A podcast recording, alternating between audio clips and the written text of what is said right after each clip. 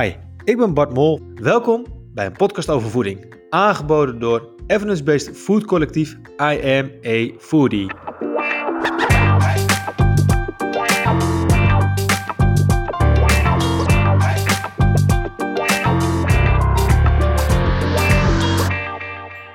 Hey luisteraar, leuk dat je weer luistert naar een nieuwe show van een podcast over voeding. Vandaag hebben we Maatje Poelman te gast in onze show. En met Maatje heb ik het onder andere gehad over wat de Nederlandse overheid doet, of misschien juist wel niet doet, om een gezonde leefomgeving te creëren. En daarin hebben we onder andere ook gesproken over welke politieke partijen nou ja, daar wel wat verandering in wil doen, of welke juist weer niet. Dus dat maakt het eigenlijk heel leuk en relevant om de show te gaan luisteren. Uh, want misschien beïnvloedt het wel jouw stemgedrag en de aankomende Tweede Kamerverkiezingen. En nu naar de show!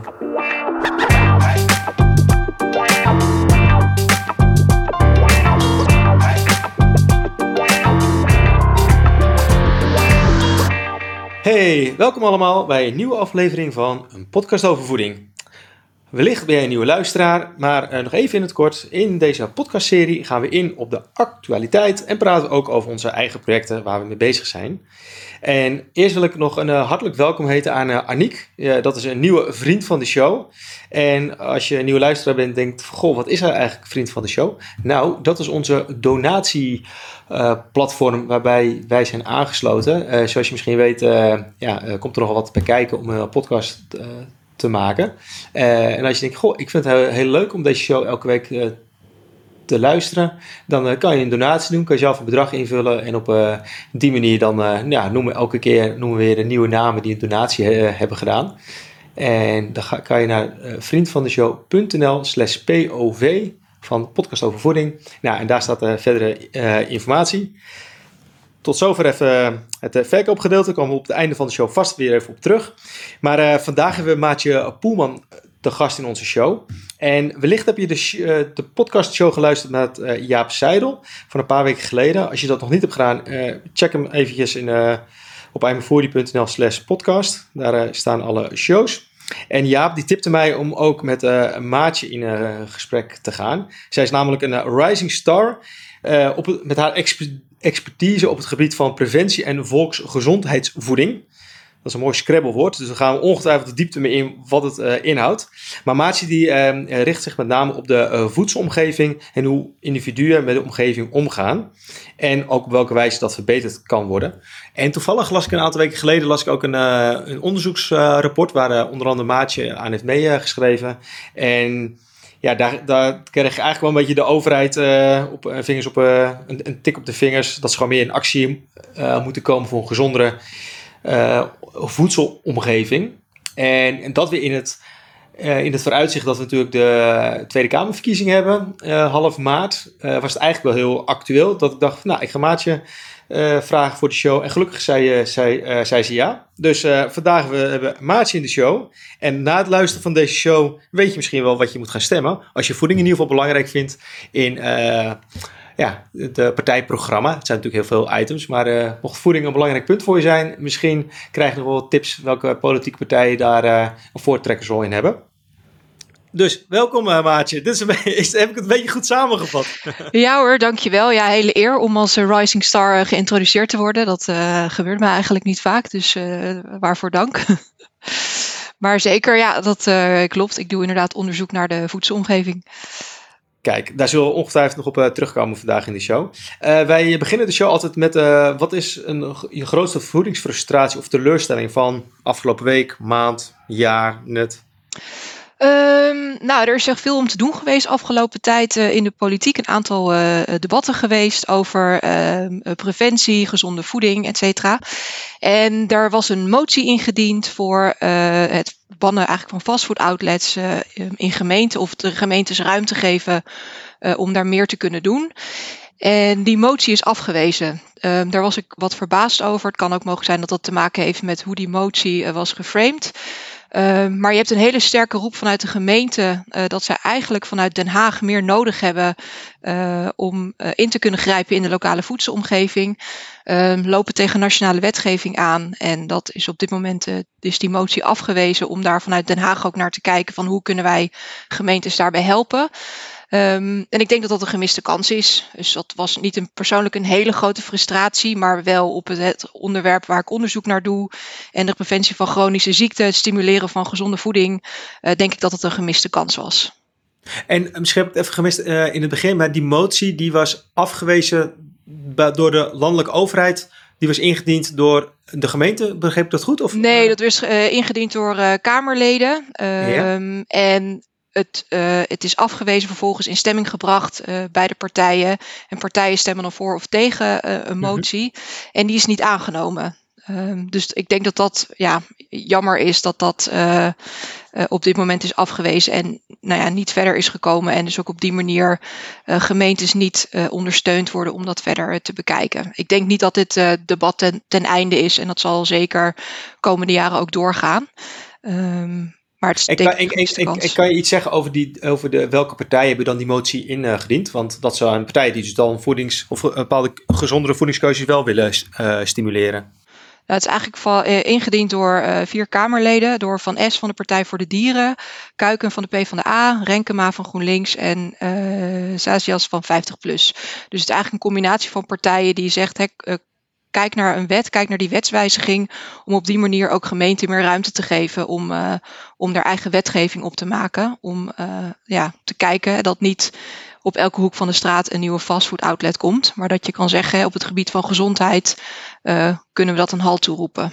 Ja, en begrijp ik het goed dat de landelijke overheid dan zeg maar een raamwerk heeft met wetgeving en dat dan uh, dat zijn dan de kaders. En daar binnen die kaders, zeg maar, daarin kunnen gemeentes dan hun lokale wetgeving op uh, vastpinnen. Moet ik het zo een beetje zien? Dat, dat hun speelveld wordt bepaald door de rijkwijde van het landelijke kader. Ja, ja, ik, ik, ik ben geen jurist, dus op alle precieze details uh, durf ik niet in te gaan. Maar gemeenten lopen met hun lokale beleid momenteel aan tegen een nationaal beleid, waardoor zij zelf niet daar de regie in kunnen nemen. En uh, zeker door de decentralisatie en, en de rol van de gemeente om gezondheid in hun eigen gemeente te regelen, zeggen ze help ons dan dat wij ook die regie zelf kunnen nemen. En dat kan op dit moment niet.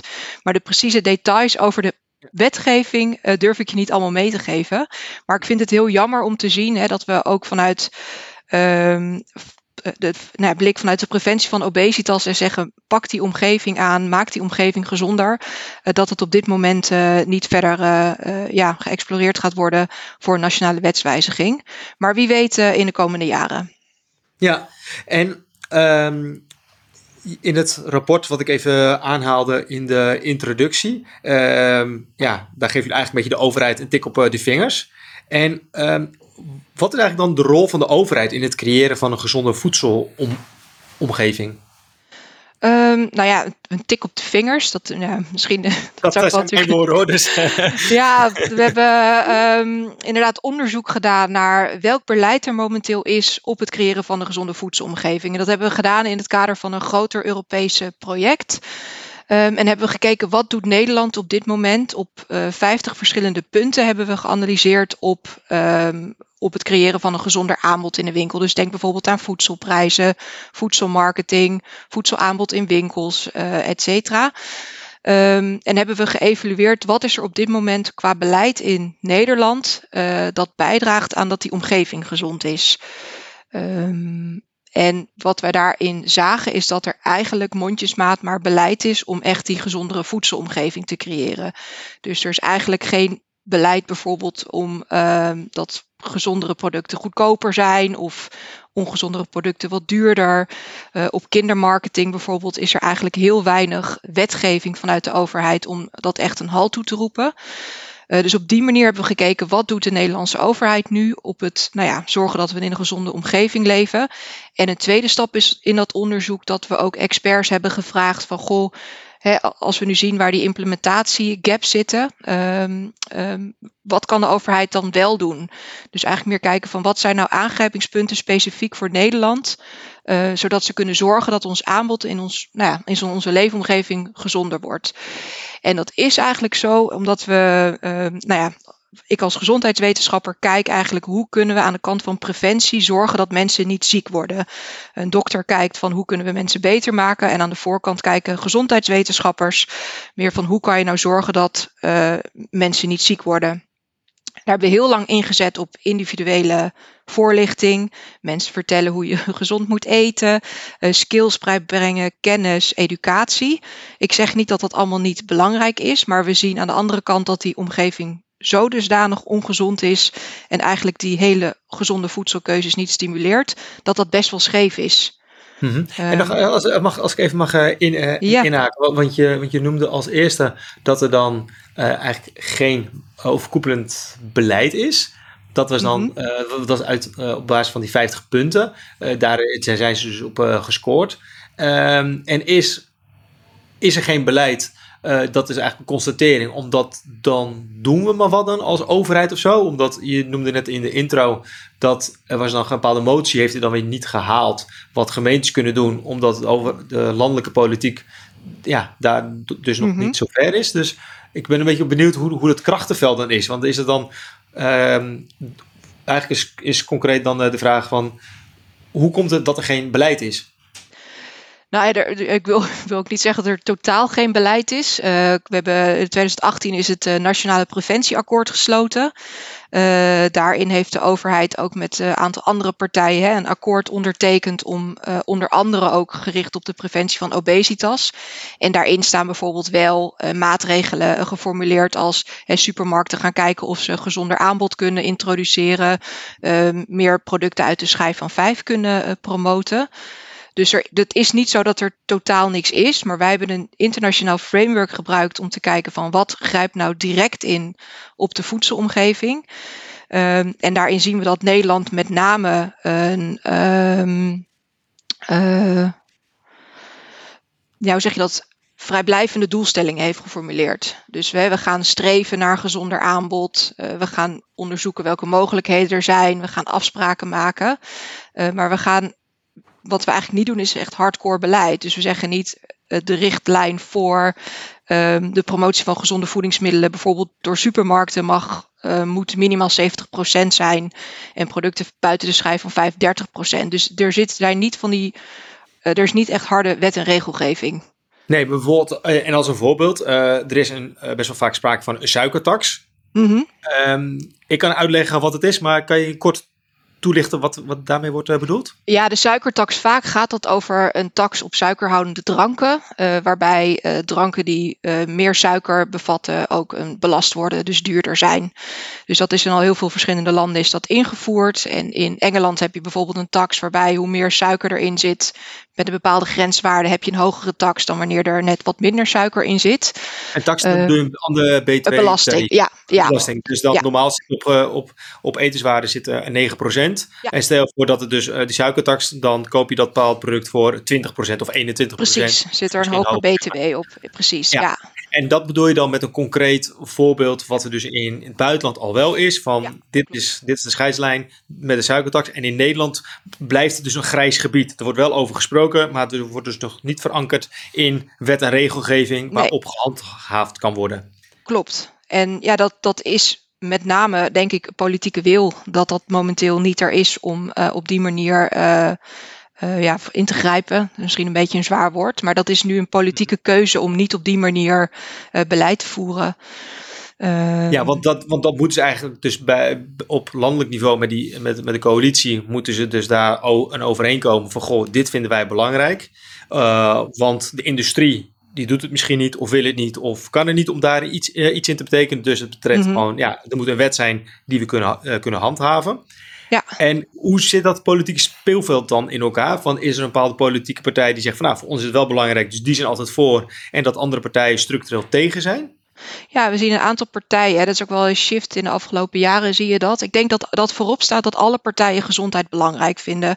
En ook alle partijen vinden gezond eten belangrijk. Dus ik denk niet dat daar een probleem zit, maar ik denk de aanpak van hoe kun je mensen stimuleren om gezonder te eten is er wel een beetje een tweedeling dat sommige partijen zeggen, nou we gaan vrijblijvend met de industrie kijken en partijen kijken hoe we dat aanbod gezonder kunnen maken. Maar we moeten ook vooral naar het individu kijken. En het individu, hè, die moeten we ondersteunen, die moeten we helpen, die moeten we educatie geven. En aan de andere kant zie je partijen die zeggen, ja, dat moeten we doen, maar we moeten ook zeker die gezondere en laten we ook niet vergeten duurzamere uh, aanbod creëren en het makkelijker maken voor mensen. En als je kijkt in de huidige partijprogramma's, um, zie je dat er op dit moment ook wel veel oppositiepartijen aangeven uh, dat ze bijvoorbeeld een suikertax willen of een ban op kindermarketing. Dus dat is eigenlijk best wel een breed spectrum aan partijen die aangeven dat ze uh, daarvoor openstaan en dat wel zouden willen.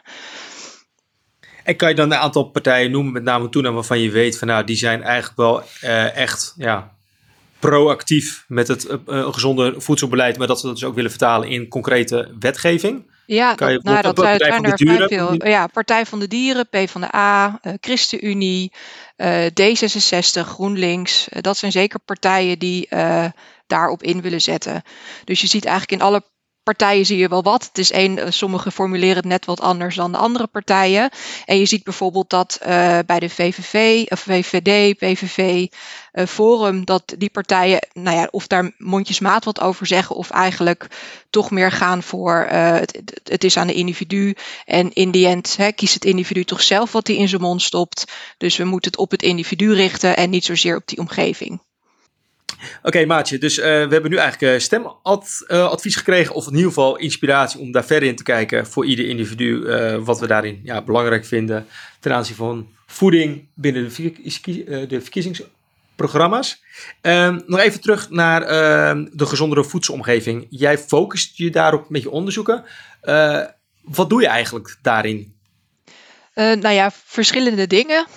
aan de ene kant probeer ik ehm, beter de voedselomgeving in kaart te brengen. Dus nou hoe ziet die eruit in Nederland? Hoe gezond is die omgeving?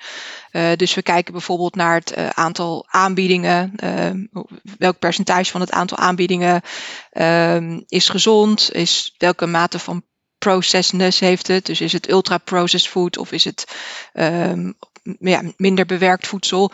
Dus daar kijken we naar. We hebben net een studie ook gedaan naar de online omgeving. Dus wat kan je eigenlijk allemaal online bestellen qua voedingsmiddelen of maaltijden? Hoe gezond is dat? Um, in opdracht van het uh, ministerie van VWS doen we nu ook een onderzoek uh, hoe we mogelijk een monitoring kunnen opzetten. Dus kunnen we een nationale monitoring opzetten om het voedselaanbod in kaart te brengen en dat ook over de jaren heen te monitoren om te zien of, of dat voedselaanbod verandert. Ja, nog, nog even een vraag wat je, wat je net zei. Heb je dat in uh, kaart gebracht hè? Over, uh, over, over welke producten dan in uh, de korting zitten? Um, en wat doe je daar volgens mij? Want dan zal de, dat is even een aanname, dan zal de conclusie zijn dat 80% van die reclames of wat in de aanbieding is, zijn ongezonde producten. Mm -hmm. Wat wordt daar dan volgens mee gedaan en door wie? Nou, je wil, je wil, je wil die verandering in, in kaart brengen. Dus uh, vorig jaar, Question Mark heeft ook een onderzoek gedaan uh, met de superlijst. Um, Wilma Waterlander van, de, uh, van het AMC heeft vijf jaar geleden ook een dergelijk onderzoek gedaan. We hebben dit nu weer gedaan. En wat je eigenlijk ziet is dat over de jaren heen verandert er weinig. Terwijl er gebeurt wel van alles. Dus we hebben een nationaal preventieakkoord, daar worden doelen in afgesproken. Um, maar vervolgens zien we dat niet terug in het, in het beeld, uh, in de um, ja, in onze voedselomgeving. Dus het is heel mooi om te zien, hè, nu dat het VWS ook zegt, wij willen naar zo'n nationale monitoring. We willen dat eigenlijk over de jaren heen kunnen volgen. Dus ik denk dat dat een hele mooie stap is. Um, om te kijken hoe dat opgezet kan worden. Um, zodat je die verandering in kaart kan brengen. Want als je dat niet meet of niet monitort, kun je, kun je heel veel mooie afspraken maken. Maar als je vervolgens ja, eigenlijk geen idee hebt hoe dat dan in die end in de praktijk is, ja, heb je er niet zoveel aan. Dus ik, dat is denk ik daar met name het belangrijkste van om die monitoring in kaart te brengen. Ja, precies. Oké, nee, dat, uh, dat uh, begrijp ik dat het logisch is dat je dingen in kaart brengt, zodat je weet, nou, dan heb je ergens een nulpunt. Je bent beginnen in uh, eh, 2000 zoveel en dan zie je dus langzaam een verbetering. Maar ik hoorde je eigenlijk ook net zeggen dat we eigenlijk helemaal geen verbetering zien. Zien we dan een verslechtering of blijft het gewoon op een... Nee, het is een beetje gelijk wel wat we nu zien. Dat verandert niet zoveel in. Dus hopelijk en, is er wat, misschien wat over vijf jaar wat anders. Zo. Ja, maar wat kan daar een oorzaak onder liggen dan? Dat dus de voedingsindustrie zelf niet zelf-started is om daarin een positieve verandering uh, Nee, nee, er is op dit moment, en, nou ja, en dat zie je ook aan de, dus de huidige manier van uh, wet en regelgeving in Nederland. Het is dat hè, er worden afspraken gemaakt of uh, supermarkten worden gestimuleerd of gevraagd. Maar vervolgens is het aan de industrie zelf om daar wat mee te doen of niet. Um, Ja, en die... Maar eigenlijk, eigenlijk is het daarmee toch ook wel een beetje het antwoord gegeven dat als de voedingsindustrie het zelf niet doet, dat we dus dat maar via wetgeving moeten gaan mogelijk Nou, maken om dus maar... als je dat, als je dat wil. Kijk, dat, dat Ja. kan je. ik- kan dat vanuit ehm volksgezondheid oogpunt wel eh, zeggen dat dat een ad- goed advies is eh, in de preventie van obesitas. Maar, maar vanuit economisch oogpunt kun je daar mogelijk heel anders naar kijken. En ehm, ja, dat, dat kom je eigenlijk toch weer in dat politieke draagvlak eh, of vraagstuk terecht. Ehm, wil je dat wel of niet? Ehm, maar goed, ik hou me in die zin, ben ik niet een beleidsmaker, maar eh, doe ik met name gewoon het onderzoek en lever ik aan ehm, de- kennis aan die we daarover hebben. Dus, dus dat is eigenlijk een onderdeel van, eh, van de werkzaamheden die we doen.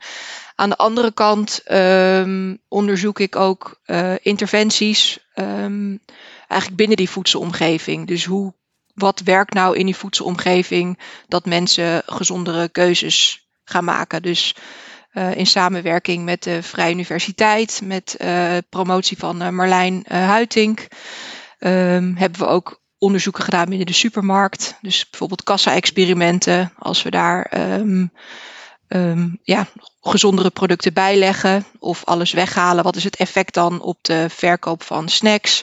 Of als we door middel van sociale normcommunicatie, en sociale normcommunicatie is eigenlijk wat een boodschap wat gebruikelijk of normaal is in een bepaalde groep. Eh, dus als we daar een boodschap over maken over groente en fruit groente en fruit eh, aankopen, kun je mensen op die manier zeg maar nutje om eh, gezondere producten te kopen. En nutje, wat eh, bedoel je daarmee? Ja, nutje is eigenlijk een kleine verandering in de, in, in, in, nou ja, op, in dit geval in de aankoopomgeving in de supermarkt. Waardoor je mensen eigenlijk een duwtje in de goede richting geeft om een gezondere keuze te maken. Waarbij je ze eigenlijk niet verbiedt eh, om het te kopen. Dus je haalt het niet weg of je maakt het ook niet duurder. Maar je legt het bijvoorbeeld iets meer naar de voorgrond. Of door middel van zo'n sociale norm. Dus dat je zegt, voor de meeste mensen is het normaal om vijf stuks fruit te kopen eh, als ze in de supermarkt zijn. Uh, en we willen heel graag bij een groep horen, dus dat, die, die sociale uh, norm. Dus dan denk je van, oh, nou, misschien wil ik dat ook wel doen. Of tenminste, dat was onze hypothese. En dan zie je ook dat mensen iets meer groente en fruit gaan kopen. Maar, maar even dan inhaakte, want mij lijkt het logisch als ik bij de kassa sta. Er liggen nu eigenlijk alleen maar ongezonde dingen. -hmm. als je dat vervangt voor gezondere dingen, dat de impulsaankoop, die misschien toch hebt als persoon, dan pak je het alsnog. Of blijkt uit jullie onderzoek dat de mensen bij de gezondere dan alsnog laten liggen? Ja, dat, dat zagen we dus niet helemaal. Dus we hebben inderdaad een keer al die ongezonde producten weggehaald um, en gezond neergelegd. En dan zie je gewoon dat die kassaverkoop bij de kassa, uh, een, of ja, dat is de kassaverkoop, dat die dus enorm daalt. En wat we ook hebben gedaan is dat we die uh, ongezonde snackjes hebben laten liggen, maar gezonde producten hebben toegevoegd. En dan zie je niet dat dat vervangen wordt door gezonde producten. Um, dus, nee, maar dan is eigenlijk de, zelf, zelfscankassa is dus eigenlijk een zegen voor gezondere voedselkeuzes. Ja. Daardoor, dus dan, dan, dat is op zich wel grappig dat ze dan zoiets doen, omdat dan ja, de doorloop sneller gaat. Terwijl juist, daar kies ik zelf altijd voor, dan hoef ik niet in de rij te staan meestal en dan ja. kan ik het gewoon even, even, zelf doen. En dan kom ik ook niet in de verleiding om uh, nog zo'n last second keuze te maken van, oh ja, doe ik dat ook maar even mee. Ja, nee zeker. Dus eigenlijk is dat een hele gunstige... Uh, ontwikkeling. Ja, precies. Daarvoor in ieder geval uh, vanuit het gezondheidsperspectief. Uh, ja, ja, Zeker, ja. Want uh, dat, on dat, onderzoek waar ik even al eerder naar refereerde, dat is dan een, ja, een internationaal programma waarbij samen wordt gewerkt met 28 onderzoeksinstituten uit zeven andere Europese landen en Nieuw-Zeeland. Ja. Um, zijn er ook dan interne vergelijkingen gemaakt van lijstjes? Dat, dat, dat, dat is altijd leuk. Waar staan we dan eigenlijk als Nederland? Ja, dat gaan we nog doen. Want we hebben vanuit uh, dit Europese project, uh, hebben we dit dus in Nederland gedaan. We kunnen nog even Sanne Jojo Suparto noemen. Zij is de promovendus op het project en heeft eigenlijk het, uh, alle data verzameld en geanalyseerd. Dus dat is ook altijd even goed om te zeggen. Ja. Um, en. Okay. ja, en we hebben het onderzoek ook, is ook uitgevoerd in Ierland, in Noorwegen, in Duitsland en in Polen. Die zaten ook allemaal in het Europese consortium als van de partners en hebben dit ook in die landen uitgevoerd uitgevoerd. En we zijn allemaal net een beetje op het punt dat we alle data hebben verzameld. En uh, we wachten momenteel nog op de, op de gegevens van Duitsland. En dan gaan we dat ook samenvoegen en kijken van goh, hoe, hoe doet iedereen het nou en zien we nou verschillen binnen uh, deze, deze landen. En we hebben het vanuit onze groep hebben we ook het onderzoek uitgevoerd voor Europa, dus voor de Europese Unie, om ook te kijken van wat kan hè, op Europees niveau qua wet en regelgeving ook nog bijdragen om het voor uh, lidstaten ook makkelijker te maken om eigenlijk een gezonder aanbod te creëren. Ja, en dat klinkt mij nog een moeilijker traject, zeg maar? Of eh, heb je daar toevallig kennis van, hoe dat, hoe dat dan weer zit? Want dat betekent dat de Europese wetgeving weer overkoepelend is dan misschien aan de Nederlandse wetgeving, et cetera? Of...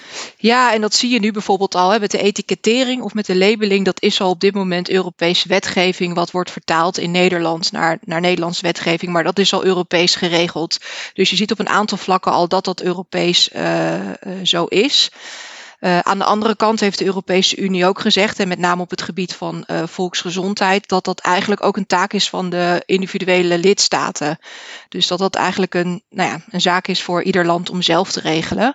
Dus ik denk dat dat ook wel mooi is nu te zien hè, in, de, in de hele COVID-aanpak ook. Dat iedereen zegt van ja, waarom is er eigenlijk helemaal geen Europese aanpak? Ja, een van de dingen is dat, dat er Europees geregeld is dat veel op het gebied van gezondheid gewoon op individuele lidstaten wordt, uh, wordt geregeld. Um, en bijvoorbeeld hè, bij dat um, um, voor de, of de belasting. er zijn heel veel partijen ook wel die zeggen van haal die hele belasting van uh, gezonde producten weg. Maak daar 0% tarief van. Ja, Europees is vastgesteld dat je minimaal 5% BTW moet hebben op producten. Dus dat kunnen wij wel willen. Dus een van de aanbevelingen is ook aan de Europese Unie: geef lidstaten de mogelijkheid om ook uh, die BTW-verlaging naar 0% door te zetten als je groente en fruit uh, goedkoper wil maken.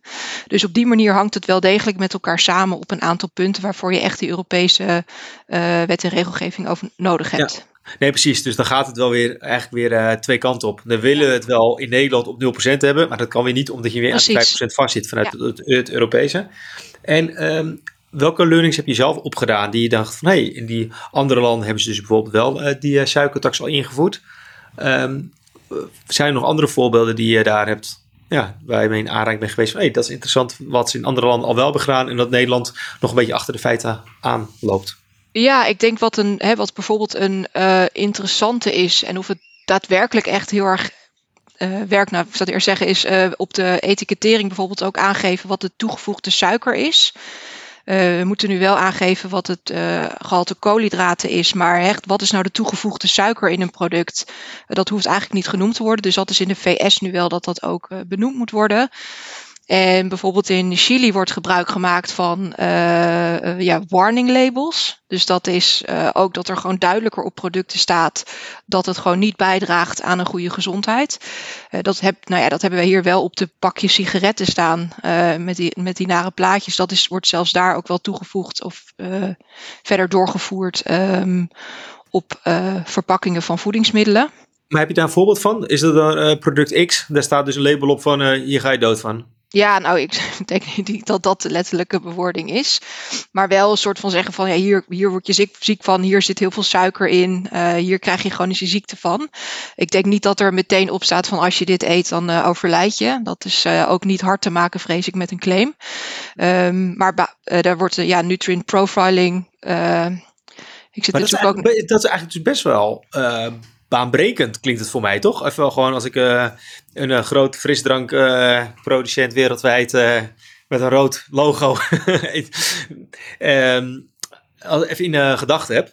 Mm -hmm. Dat ze daar dus dan blijkbaar een label op zetten van dit product bevat behoorlijk veel suikers. Ja, maar je ziet ook wel, hè, dat zie je al sowieso met bijvoorbeeld een, uh, um, met die, ook met die belasting of ook met, uh, en dat is ook wel wat we lang geleden hadden met het Ik kies bewust logo.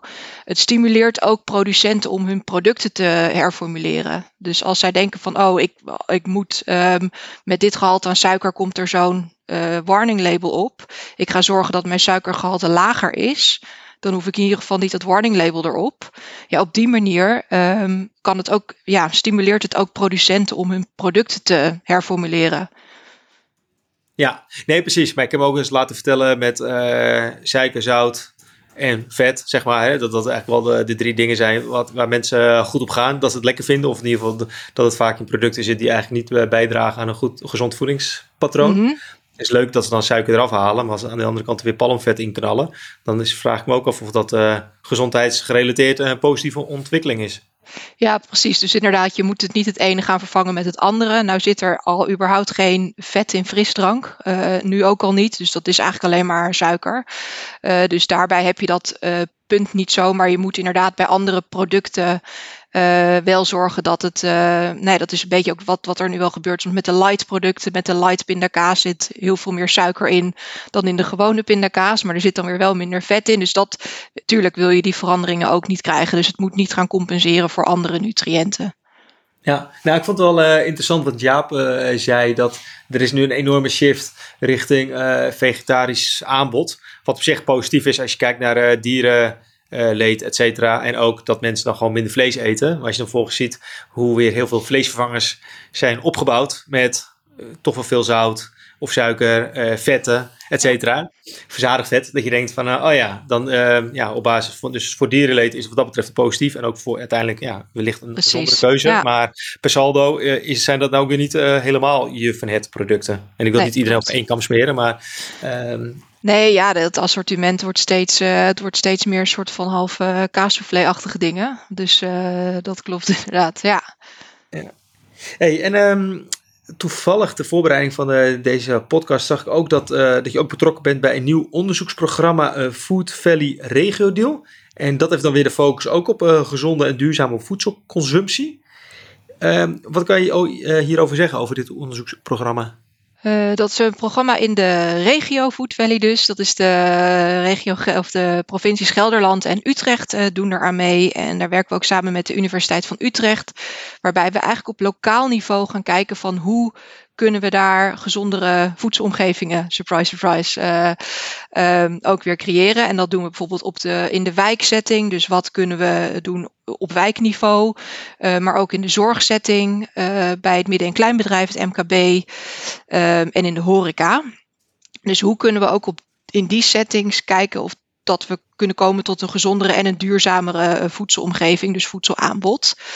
Um, en, en zijn jullie dat nu nog aan het onderzoeken? Of heb je al een concreet voorbeeld hoe, hoe dat straks in de wijk terugkomt, een gezonde voedselaanbod? Nou, we zijn uh, net gestart, of net een half jaar geleden zijn we begonnen. Uh, ik moet zeggen dat corona maakt het niet makkelijker, want we zitten allemaal thuis. Ik ben al een jaar ongeveer, nou ja, vanaf maart ongeveer ook niet meer op de universiteit geweest. Dus ook niet in de wijk of, of bij partijen. Dus uh, we doen het allemaal online op dit moment, zijn we aan het opstarten. Um, en wat we willen doen is heel erg ook aansluiten bij de wensen en de behoeften van uh, mensen, stakeholders, uh, bewoners, beleidsmakers uh, in de wijken zelf of binnen de werkzetting of zorg, et cetera. Um, want we weten, we hebben best wel wat kennis over hè, wat, wat werkt er nou in zo'n gezonde voedselomgeving. Maar we hebben het net ook al eerder over gehad, merk je ook dat het niet altijd uh, nou ja, landt of resulteert in een daadwerkelijke gezonde omgeving. Daarbij zien we ook dat mensen heel graag wel willen, maar vaak niet weten hoe. Dus in dit project gaan we ook echt door middel van co-creatie met alle stakeholders zitten, uh, waar wij zelf ook een van de stakeholders worden die de kennis uh, levert over bijvoorbeeld effectief bewezen uh, interventiemechanismen.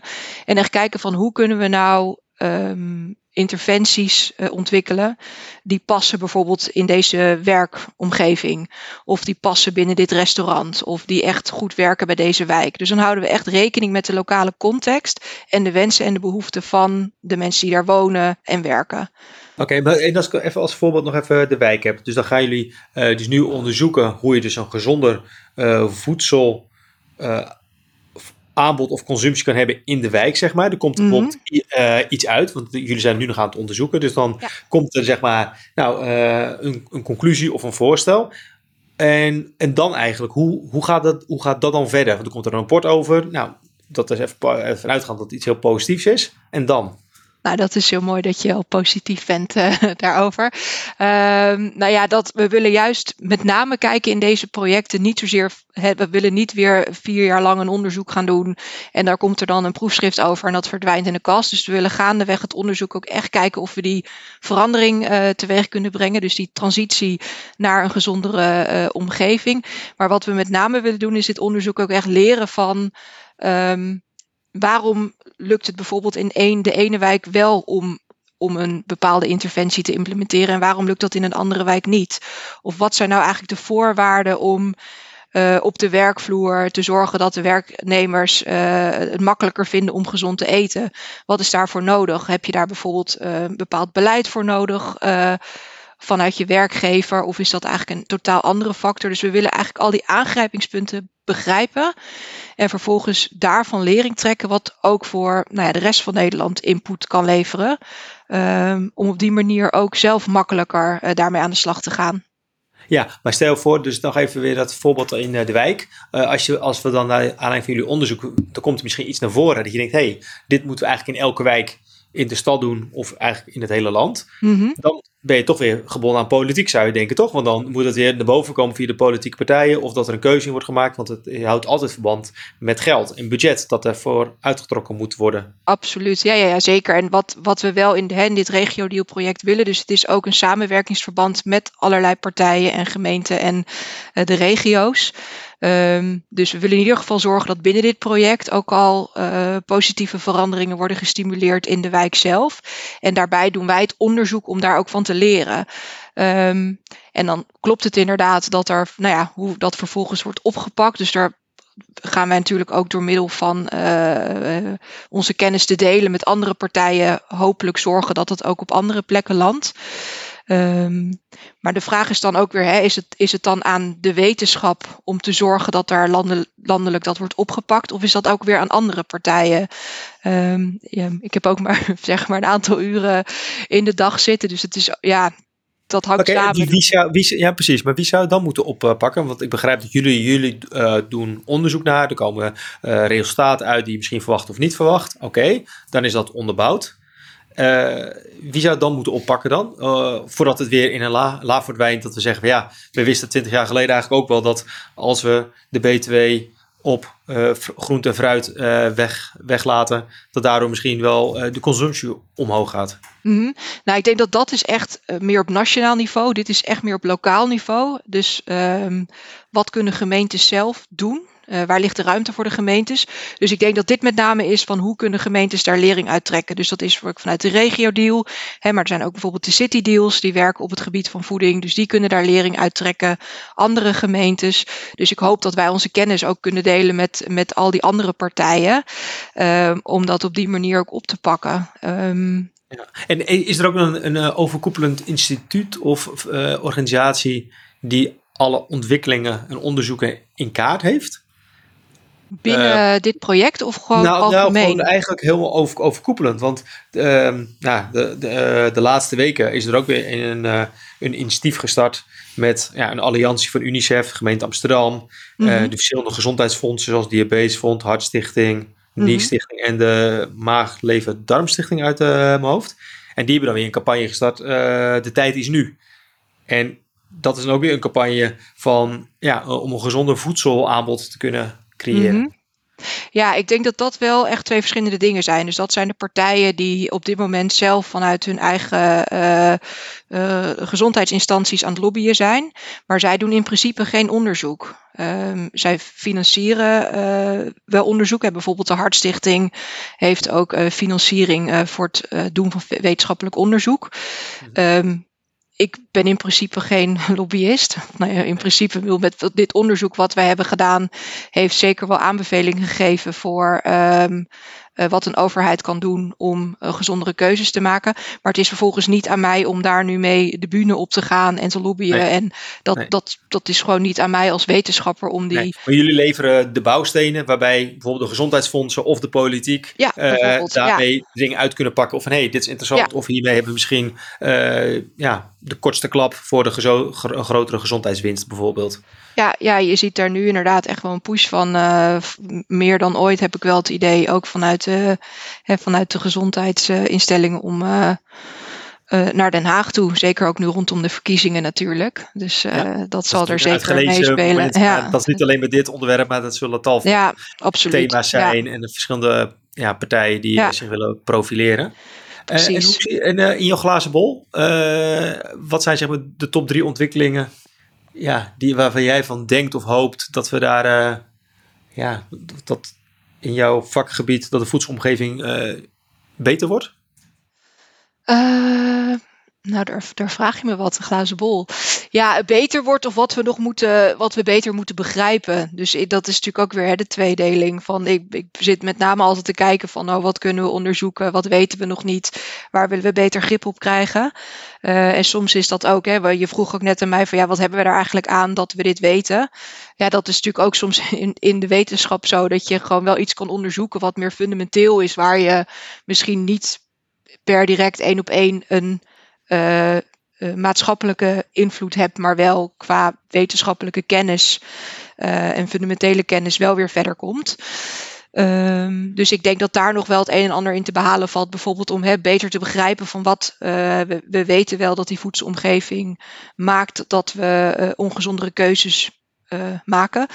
Uh, maar welke precies de mechanismes die erachter liggen, worden op dit moment ook nog verder onderzocht. Dus ik denk dat we daar de komende jaren wel meer over te weten zullen komen. Uh, dus ik denk dat dat ook het stuk voedselomgeving is. Als ik kijk naar um, hè, hoe kan die omgeving gezonder worden, ben ik benieuwd ook wel hè, bijvoorbeeld naar een nieuw preventieakkoord.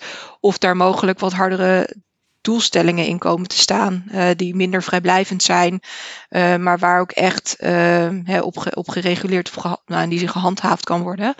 Ehm, dus daar ben ik wel benieuwd naar. Ehm, maar ook, nou ja, gezien de huidige peilingen eh, heb ik er ook niet heel veel. denk ik dat er ook niet heel veel zal veranderen. Maar je weet het niet. Kunnen wij, maar kunnen wij nog als consument daar een bepaalde rol in spelen? Dat we denken, hé, hey, uh, wij, willen even iets heel simpels, uh, zo'n voedsel of uh, een suikertax. Iets dergelijks. Mm -hmm. Kunnen wij nog op de bühne springen op een bepaalde manier dan? Dat we zeggen, nou ja, je, ja je, kan je, je kan je laten horen. dat is het wel. En ik denk als we kijken naar de aandacht van voeding, dat, dat is zoveel meer al geworden dan 15, 20 jaar geleden. Dat is echt een, echt een verandering. Ik ben zelf in 2003 voeding en diëtetiek gaan studeren in Amsterdam. Ja, we waren daar met vier klasjes, geloof ik. En tegen iedereen tegen wie ik zei, ja, ik studeer voeding. Ja, voeding, dat was zo één grote grap soms ook wel. Van, is dat een studie? Ja, en nu heeft iedereen het erover. Is het uh, ja, een heel groot maatschappelijk thema. Dus je ziet al wel echt een verandering. Uh, het is nu bijna soms ook hip hè, om met eten bezig te zijn. Uh, en bijna een soort van leefstijl en een manier om je uit te drukken. Uh, nou ja, dat was vroeger ook heel anders. Dus je ziet dat het veel meer een andere een rol heeft gekregen ook in de maatschappij. En ik denk zeker dat je je kunt laten horen en uh, te kunt delen als je van mening bent dat je vindt dat er wat moet veranderen. En dat zien we nu bijvoorbeeld in de coronamaatregelen. We horen enorm veel mensen die het daar niet mee eens zijn. Die drukken zich heel erg uit en die benoemen dat heel erg. En die zijn in de media, dat, je hoort dat overal. Ja. Um, nou ja, dat, mensen die vinden dat er iets belangrijk is hè, rondom voeding bijvoorbeeld, zouden dat ook meer kunnen doen. En nou, als ik op sociale media zit nu, bijvoorbeeld of op Twitter of LinkedIn, ik heb natuurlijk ook best wel een bubbel van uh, collega's uh, waarmee ik werk die op ditzelfde onderwerp bezig zijn. Dus ik zit wel een beetje in die bubbel waar ik dit allemaal hoor, maar er, er is een veel grotere bubbel waar dit helemaal niet speelt. En dus ik denk dat in die zin, als hoe meer mensen daar reuring aan geven als ze dat willen, um, dat het ook bekender kan worden. Ja, waar hoop je eigenlijk dat we al in 2050 staan bijvoorbeeld? Over een jaar of 30? Qua wat we eten? Ja? Of gewoon... Ja, gewoon jou, jouw, jouw droom of wens waar jij dan ja, jouw stukje aan hebt bijgedragen met, met, de, met de onderzoeken die jij onder andere doet. Nou, ik, ik qua manier van kijken naar eten, um, denk ik dat er nog best een winst te behalen valt hè, op dat, dat, dat individuele deel. We willen nog steeds heel graag denken dat uh, wat mensen eten. Of als mensen overgewicht hebben of chronische ziekte hebben, wat ja, vaak gerelateerd is aan voedselconsumptie of het uh, overgewicht. Dat het toch een beetje hun mensen eigen schuld is. En hoezo eten ze niet minder. En het, het is best nog steeds een individueel. Uh, vaak hoe mensen naar kijken, vrij individueel. En ik denk dat we het ook veel meer moeten zien als een groter maatschappelijk um, punt dat wat wij eten heel erg wordt bepaald ook waar we leven, wat er in een winkel ligt, uh, door, de, door hoe we opgevoed worden, uh, onze sociaal-economische positie, uh, hebben we heel veel stress, hebben we heel veel schulden. Dus echt dat bredere maatschappelijke beeld, wat allemaal impact heeft op voeding en op, op, op consumptie, um, dat we dat meer zien en ook meer aanpakken. En we hebben nog steeds, weet je, we hebben een hartstikke goed en welvarend land. En nog steeds zijn er enorm schrijdende gezondheidsverschillen. Um, dat je denkt van hoe, hoe kan dat? En als we continu maar blijven denken, hè, het, is, het is mensen hun eigen verantwoordelijkheid en uh, je, je bent je eigen baas uh, en, en we gaan ons er vooral niet mee bemoeien, want dat is betutteling. Um, dan, dan komen we er niet. En ik denk, hopende in 2050, hoop ik dat we uh, niet nog verder afgaan van ieder voor zichzelf en uh, iedereen. Hè, succes is een keuze, een beetje dat mechanisme, maar misschien toch iets meer kijken ook van hoe um, factoren waar je niet zelf altijd invloed op hebt, uh, ook bepalen. Um, um, nou ja, je gezondheid bijvoorbeeld bepalen. En dat begint al in het onderwijs bijvoorbeeld.